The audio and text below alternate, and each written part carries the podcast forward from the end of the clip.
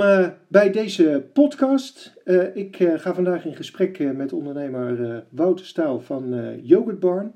en ik ga hem vragen over het bedrijf Yogurt Barn en het effect van, van corona op het bedrijf. Ehm, welkom Wouter hier um, en dank voor, voor je medewerking. Um, eerste vraag, Yogurt Barn, waar, waar moeten we dat van kennen? Ja, uh, hartstikke leuk Dick. Uh, leuk om aan te sluiten in deze podcast en wat meer te vertellen over Yogabarn en, uh, en hoe wij door corona heen gaan met alle onzekerheden. En er toch iets moois van proberen te maken. Yogabarn kennen jullie. Nou ja, als je van yoghurt houdt dan, en je eet wel eens buitenshuis, dan zul je hier en daar wel eens een bakje yoghurt op hebben. Grote kans dat dat of bij ons is geweest of geïnspireerd is door ons. we zijn acht jaar geleden begonnen met onze eerste vestiging in Utrecht op de Neude. En uh, nu hebben we 13 vestigingen door het hele land verspreid. In zowel binnensteden als in, uh, op stations, voethallen uh, in Amsterdam en op Schiphol.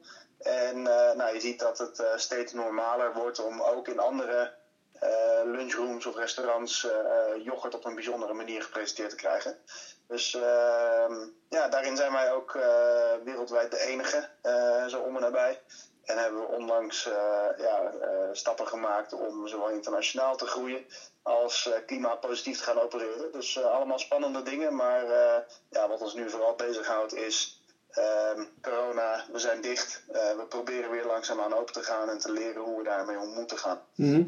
Maar even, even terug, want ik, je, je hebt het over, over de Neuden in Utrecht. Je hebt het over ja. vliegvelden, hoe heet het, Centraal Station.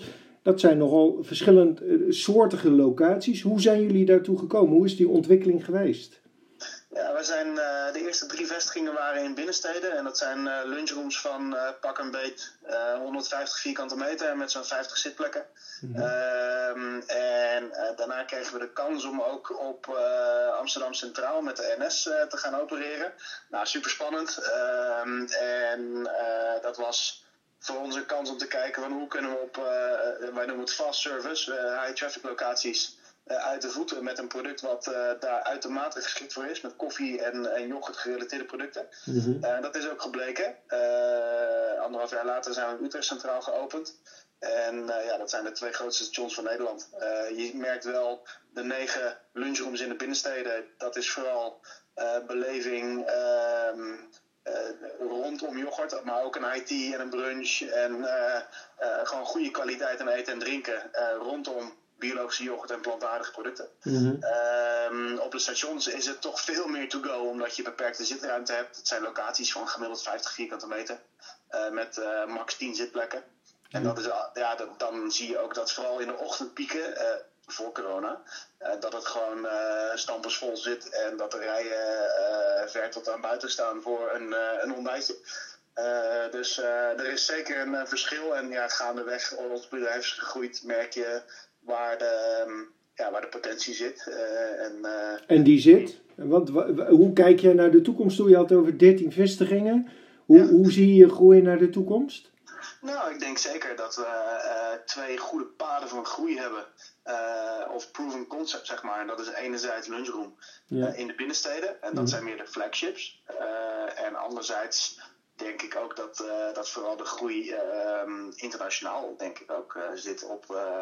denk aan vliegvelden, denk aan stations, shopping malls met high traffic en dan kleinere locaties. Uh, waarbij je meer mensen, meer gasten kan uh, uh, bedienen, maar dan eigenlijk niet bedienen, maar meer op een to-go variant. dus daar op beide paden zien we ja, veel groeimogelijkheden. En juist ook nog steeds nu met corona, omdat je een gezond product hebt. gezondheid wordt steeds belangrijker en we zullen straks ook wat meer over het klimaat vertellen. Ik denk dat ja. dat ook steeds belangrijker wordt. Ja. Dus ik denk wel dat we ehm, ja, mochten we dit allemaal op een normale manier kunnen overleven, dat daar veel groeipotentie in zit. Nou had je het in het begin over uh, biologisch en plantaardig. Is, de, is dat de kern, de kracht van, uh, van, van, van het product? nou, wel onderliggend, ja. er komt veel meer bij kijken, want het is een blijven horeca, dus je hebt je interactie met de gast, mm. je gastbeleving. Ehm, we zijn vanaf dag 1 uh, begonnen met biologische yoghurt. Gewoon puur uit ethisch oogpunt en dierenwelzijn. Goed doen voor mens, dier en milieu. Ja. Dus uiteindelijk is daar vrij snel plantaardig bijgekomen met alle alternatieven die de markt op zijn gekomen. Mm wij zitten nu op 30% plantaardig en het restant is, is dierlijk, maar biologisch. Ja. en ik zie daar wel een groei in dat het uiteindelijk in twee, drie jaar zo'n 50-50 zal uh, gaan zijn. Um, en dat de gast de ene keer plantaardig neemt en de andere keer dierlijk biologisch. Uh, en wij proberen daarin uh, het beste van beide werelden aan te bieden. Um, en het is vooral ook de variatie van, uh, van wat we heel erg zien, de healthy pleasure en de guilty pleasure. Het ene moment wil je graag uh, het een, andere moment van de dag of van de week wil je het ander. En wij kunnen dat samen met uh, onze kwaliteitsdrank kunnen we dat goed aanbieden. Zodat je de hele, de hele week en op elk moment van de dag bij ons iets kan nuttigen. Ja. Je doet het niet alleen, hè? want je doet het samen met je partner. Ja, klopt. Ik doe het samen uh, vanaf dag 1 al met mevrouw Esther. En uh, we zijn samen op het idee gekomen in, in Spanje. Daar kwamen we frozen mm -hmm. yoghurt tegen. -hmm. En uh, al heel snel van ja, frozen yoghurt heel leuk. dan moet het 25 plus zijn, wil je iets verkopen. heel erg high traffic zitten. en de restant van het jaar kun je dan geen boterham verdienen. -hmm. dus we hebben het heel snel doorgetrokken naar yoghurt algemeen. Yeah. En we zijn nog steeds inderdaad samen in het management. En hoe, hoe is de taakverdeling binnen jullie bedrijf? Uh, nou, we hebben inmiddels een iets groter managementteam. En met uh, vooral ook omdat wij niet uit de horeca zelf komen, uh, operations. Mm -hmm. dus we hebben drie regio-managers die de vestigingen bestieren, zeg maar. Ehm, ik ben al heel verantwoordelijk, dus ja, ik pak alles op. Ehm, en Esther is vooral van het nadenken, ethisch, wat kan beter. Continue optimalisatie en de kritische nood, zeg maar. Ja. Uh, we hebben tegelijkertijd ook twee kinderen, dus uh, het is niet dat we allebei uh, fulltime werken, Esther parttime. Mm -hmm. En zorgt er ook daarmee voor dat ik fulltime kan werken. Dus dat is een beetje de verhouding. Ja, en zij is, zij is als het ware jouw geweten. oh ja, zeker. Zij is het, zeker in het begin was ze het geweten van Yoga Barn. En inmiddels zijn er steeds meer mensen die op een hele goede en strategische manier mee kunnen denken. Maar er staat heel veel van wat het bedrijf nu is, komt uit haar koker. Ja. Hey, en, dan ben je een, een jonge, jullie zijn een, een jonge ondernemersstel, hebben een goed idee. Uh, uh, maar uh, om dat idee dan tot uitrol te brengen, dan heb je ook partners nodig. zowel leveranciers als nou ja, het gebied van locaties enzovoort enzovoort. Kan je daar iets over vertellen? Ja, dat zijn er heel veel. In het begin is het vooral friends and family en probeer via je LinkedIn, dan komt dat eindelijk tot zijn recht. Ik kan, kan herinneren, nog heel goed herinneren dat Esther zei, oh, nu heb je eindelijk iets aan je LinkedIn. dat ik ook mensen uit de horeca via via kende of die mee konden denken over een retailconcept. en dat is dan helemaal in de beginfase. Want ja, waar moet je het gaan zoeken? je weet niks. je hebt een idee, maar verder horeca-ervaring nul eten en drinken eh, ervaring thuis. Waren geen chef, helemaal niks. Dus hoe ga je foodfotografie doen bijvoorbeeld? Uh, hoe ga je je marketing doen? Ja, 0,0 kennis. Mm-hmm. Dus in eerste instantie haal je dat binnen en uiteindelijk uh, um, zoek je ook de grotere partners. Uh, merk je dat ja, je, je bent bijzonder wereldwijd op het gebied van zuivel en duurzaamheid. En hoe kun je dan daarin ook versterken? Met welke partners kun je dan aan de slag? Nou, uiteindelijk zijn we nu met, met Arla in een lange termijn partnership waarbij de, de DNA gewoon heel goed matcht. Dat we allemaal staan voor goed doen voor mensen, dieren, milieu, gezond eten, voor iedereen toegankelijk maken. En het is eigenlijk, het, is een grote corporate, maar ook weer een echte MKB-doenersmentaliteit. En ja, dat, dat past wel. Oké. Okay. en qua locaties hebben we in het begin is het leuren om, om locaties en niemand kent je. Uiteindelijk dan bouw je een merknaam op en is het wat makkelijker. En hebben we nu ook bij bijvoorbeeld een NS, bij een Schiphol, mm. bij de, de grotere vastgoedpartijen zijn we bekend. En ja, dat helpt wel. Dus dat, uiteindelijk is dat allemaal geduld en bouw je dat op. Ja, en dan half maart krijg je ineens ja. de aankondiging dat je dicht moet in verband met ja, zeg maar coronavirus. Hoe, hoe heb je dat beleefd? Hoe heb je dat ervaren? Ja, dat was 15 maart. En uh, wij uh, zagen, ja, iedereen zag natuurlijk al een beetje aankomen van uh, die eerste weken maart, begin, eind feb al een beetje. En dat dan, dan, kies je er zelf voor om. nou, we hebben ook een regiomanager in, in Brabant zitten, die zat mhm. al een week of twee weken thuis. Ehm, en dan blijf je zelf ook thuis. Dus de afspraken worden gecanceld. Volgens mij hadden wij zelfs nog een afspraak staan. en dat wordt dan door beide partijen gecanceld. Dus op een gegeven moment zit je thuis en denk je ook, van, dat is het beste. Uh, en je houdt je ouders en schoonouders thuis, uh, simpelweg om, om hun gezondheid. En wij zaten de 15e ochtends aan de, de eettafel. En dat is het voordeel dan dat als je allebei in het management zit. Mhm. Dan heb je het over kinderen en yoghurt. Um, maar dan, uh, dan komt het gesprek wel van: hé, hey, wij staan uh, ook, uh, ik heb het een paar keer genoemd, goed doen voor mensen, dieren, milieu. En dat, dat is één. Maar een andere kernwaarde van ons is Yoga One Family. als je je eigen familie thuis laat, waarom laat je je, je zakelijke familie, mm onze medewerkers en onze fans, waarom laat je die dan wel gewoon op 100 vierkante meter met grote aantallen tegelijk bij elkaar komen? Terwijl je dat privé niet wil. Yeah. Dus ochtends, die 15e was eigenlijk van, joh, um, in overleg met, uh, met betrokken partijen. Um, wij gaan om vier uur dicht, wat de overheid ook beslist. En um, we, we, ja, we, kiezen nu gewoon voor, uh, voor de veiligheid. En gelukkig kwam ook toen uh, een paar uur later de overheid. Maar dan, dan is het wel van wow. hoe lang gaat het duren? wat voor maatregelen moet je nemen? Eh, wat, wat, doen we met personeel? Eh, welke steunmaatregelen? Er, er, komen heel veel vragen op je af. Eh, ja, dat zal niemand, denk ik, die in dezelfde situatie zat. En dat zijn er veel. Mhm. En ik kan dat niet snel vergeten. Nee. En kan je een aantal van die maatregelen benoemen die je toen ondernomen hebt? Hè? Ik, heb, ik heb een aantal horecabedrijven zijn begonnen met bezorgen. Dat hebben jullie, dat hebben jullie denk ik niet gedaan. Maar kan je daar iets over vertellen? Ja, we, zijn, uh, we hadden natuurlijk een restant aan voorraad. En mhm. toen hebben we gelijk gekeken van uh, wie heeft dat nu hard nodig. En hoe kunnen we dat zo snel mogelijk daar krijgen, want het is allemaal bederfelijk. Uh, toen hebben we een samenwerking met Takeaway opgezet.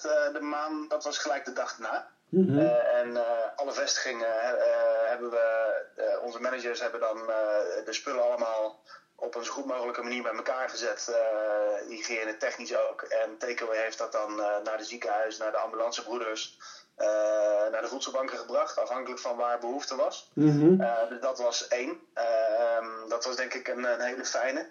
Ehm, daarnaast hebben we doorgerekend van wat zouden wij ehm, moeten verdienen in het afhaal- en delivery stuk. Ja.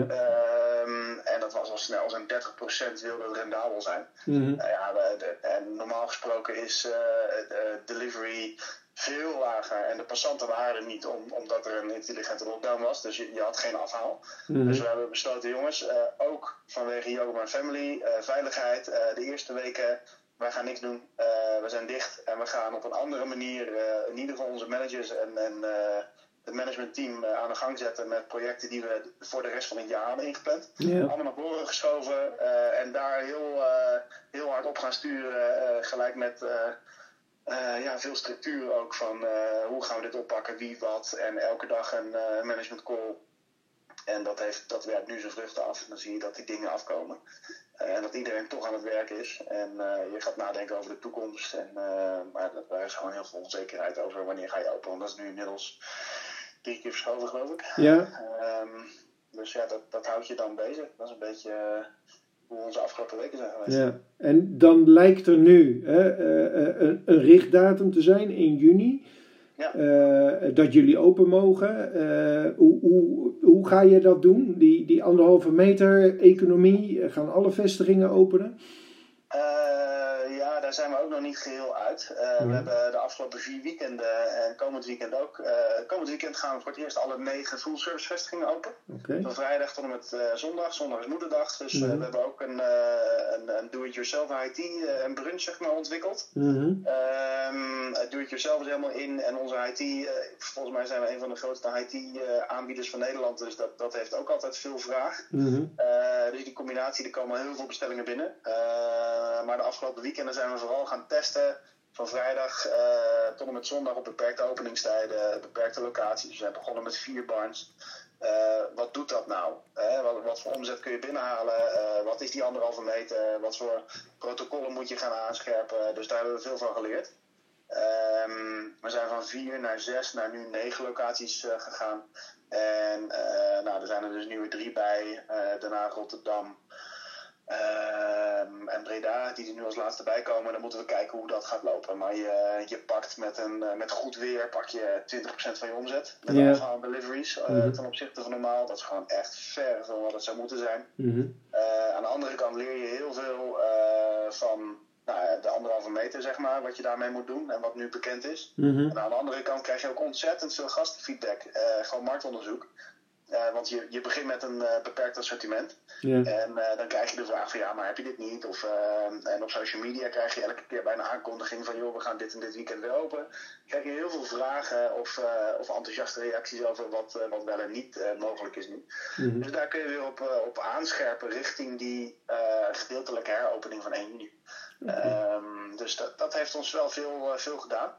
Ja. En nu is het ja, gisteravond bekendgemaakt van nou, 1 juni klaarblijkelijk open, afhankelijk wat het uh, OMT zegt, uh, geloof ik. Mm -hmm. uh, en dan is het um, ja, meer dan verwacht wel, want het ging rond dat het alleen de terrassen waren op anderhalve meter. Dus we zijn nu met de gemeentes in gesprek van, joh, kunnen we wat meer terrasruimte krijgen? En dat is per gemeente anders. Mm -hmm. Hoe ga je handhaven, ja of nee? Krijg je extra ruimte? maar je mag ook binnen dus met anderhalve meter afstand gaan werken met max 30 personen. Nou, met onze 150 vierkante meter kun je zo'n uh, 15, 15, 20 gasten kwijt. Ja.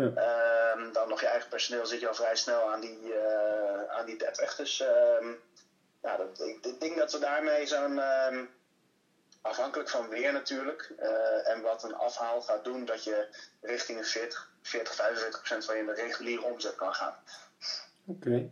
En even, hoe, hoe krijg je in de tussentijd toch je personeel mee? Hoe heb je dat ervaren? Hoe hou je die toch enthousiast en gemotiveerd uh, uh, in die ja, wat trieste periode? Uh, ja, regelmatige communicatie. Mm. Dus elke keer wanneer er een persconferentie was, kwam er een, een, bericht van ons uit van, joh, wat betekent dit nu voor ons? Mm. Um, en dan zijn we ook wel, ja, er zijn moeilijke dingen ook die we hebben moeten besluiten. Um, de eerste we hebben eigenlijk twee soorten personeel. We hebben de barnista's en die hebben een 0-4 contract. en we hebben uh, managers, regio managers, assistentmanagers en die hebben ja, gewoon een, een, een 30 uur of 40 uur contract. -hmm. Um, en uh, die laatste categorie die kun je nog goed aan het werk zetten op de laptop. En die, uh, die zijn e-learnings aan het maken. Er was een plan voor dit jaar, het handboek aan het aanscherpen. nadenken over de protocollen richting heropening. En gewoon heel veel ja, achterstallig onderhoud zou ik het zeggen. Mm. en de managers hebben alle locaties weer bijgestipt met verven. Helemaal grondig schoongemaakt. Nieuwe indelingen, plattegronden voor heropening, dat soort dingen. Um, en je gaat continu met elkaar in, in gesprek van uh, hoe gaat dat en uh, waar ben jij goed in, wat is je achtergrond? Uh, oh, misschien kun je dan dit doen. barnista's die komen met van, joh, kan ik helpen, want ik zit nu thuis en ik ben goed hier en hierin, kan ik helpen. Mm. dus dat gaat beide kanten op en je probeert zo goed mogelijk probeer je ze bij te houden. Maar ook wel van ja, barnista's kan ik nu niet inzetten. Mm. En ja, dat, dat is wel lastig. Ja. En dus te hopen dat uiteindelijk dat we ze weer uh, met vol enthousiasme kunnen inzetten. Ja. Ik zal even wachten, er komt een brandweer langs. ja, dat gaat nog steeds door. Uh, uh. Ja. nou heb je in de tussentijd niet, niet stilgezeten. zo ben je onder andere in, in april, 22 april, ben jij met een persbericht gekomen en dat is breed opgepakt dat jullie per die datum, Earth Day, uh, dat jullie klimaatpositief uh, uh, zouden gaan opereren. Kan je daar iets ja. over vertellen? Ja, dat is echt heel erg breed opgepakt. We hadden de hoop en ehm, we hadden het eigenlijk al vrijwel klaar liggen toen 15 maart corona kwam. Toen hebben we het even in de koelkast gezet van ja, um, heel leuk, 22 april op 50ste Earth Day om dit te lanceren. Dat past natuurlijk fantastisch. Uh, maar iedereen heeft wel echt andere dingen aan het hoofd. Uh, mm. Alleen gaandeweg corona uh, volgde, was het wel steeds meer een oproep. En dat zie je met de dag steeds meer. ook de, de, generieke media gaat er nu over schrijven. Dat als we weer langzaamaan open kunnen en er komen investeringen van de overheid, dat dat op een groene en duurzame manier moet gaan gebeuren. Mm -hmm. Anders dan kom je in hetzelfde dilemma als 2008, 2009. we moeten nu die stap maken omdat we ja, we zitten gewoon met een CO2-probleem en een klimaatprobleem als we nu geen actie ondernemen.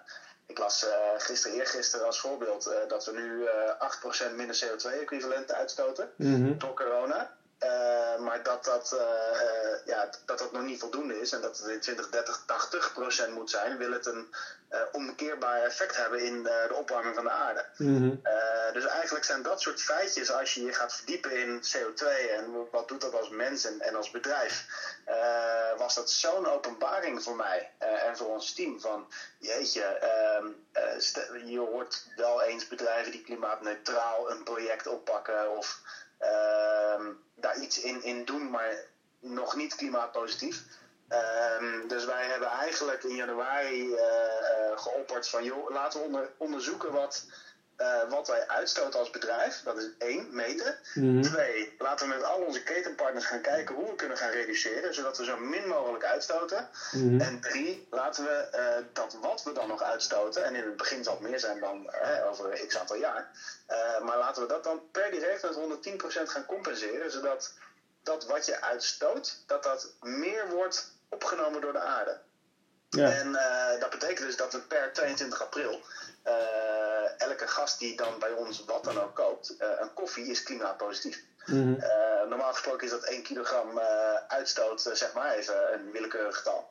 Ehm, nou, we hebben het, ik kan het concreet maken. Elke gast bij ons heeft gemiddeld genomen 1,2 kilogram uitstoot. Mhm. Zorgen ervoor dat dat eh, over 1, 2, 3 jaar dat dat naar 1 kilo, naar 0,8, naar 0,5 gaat. Mhm. Eh, dat, dat is onze effort, eh, samen met onze ketenpartners. Maar tegelijkertijd zorgen we ervoor dat we altijd 110% daarvan laten opnemen door de aarde. En dat we dus in ieder geval helpen om ja, die opwarming van de aarde tegen te gaan. Maar, en wat doen jullie dan zelf om die CO2-uitstoot naar beneden te brengen? De nou, komende tijd? Bezig, dus dat is het eh, kopje 2, reduceren. Mhm, mhm. Ehm, wij doen eh, eh, ja, een kleine miljoen aan disposables in stuks per Mhm. jaar. En dat, dat is een hoop plastic. En dat heeft enerzijds een, de plastic soep effect. Dat, is wat, heeft wat minder met klimaat te maken, maar meer met milieu.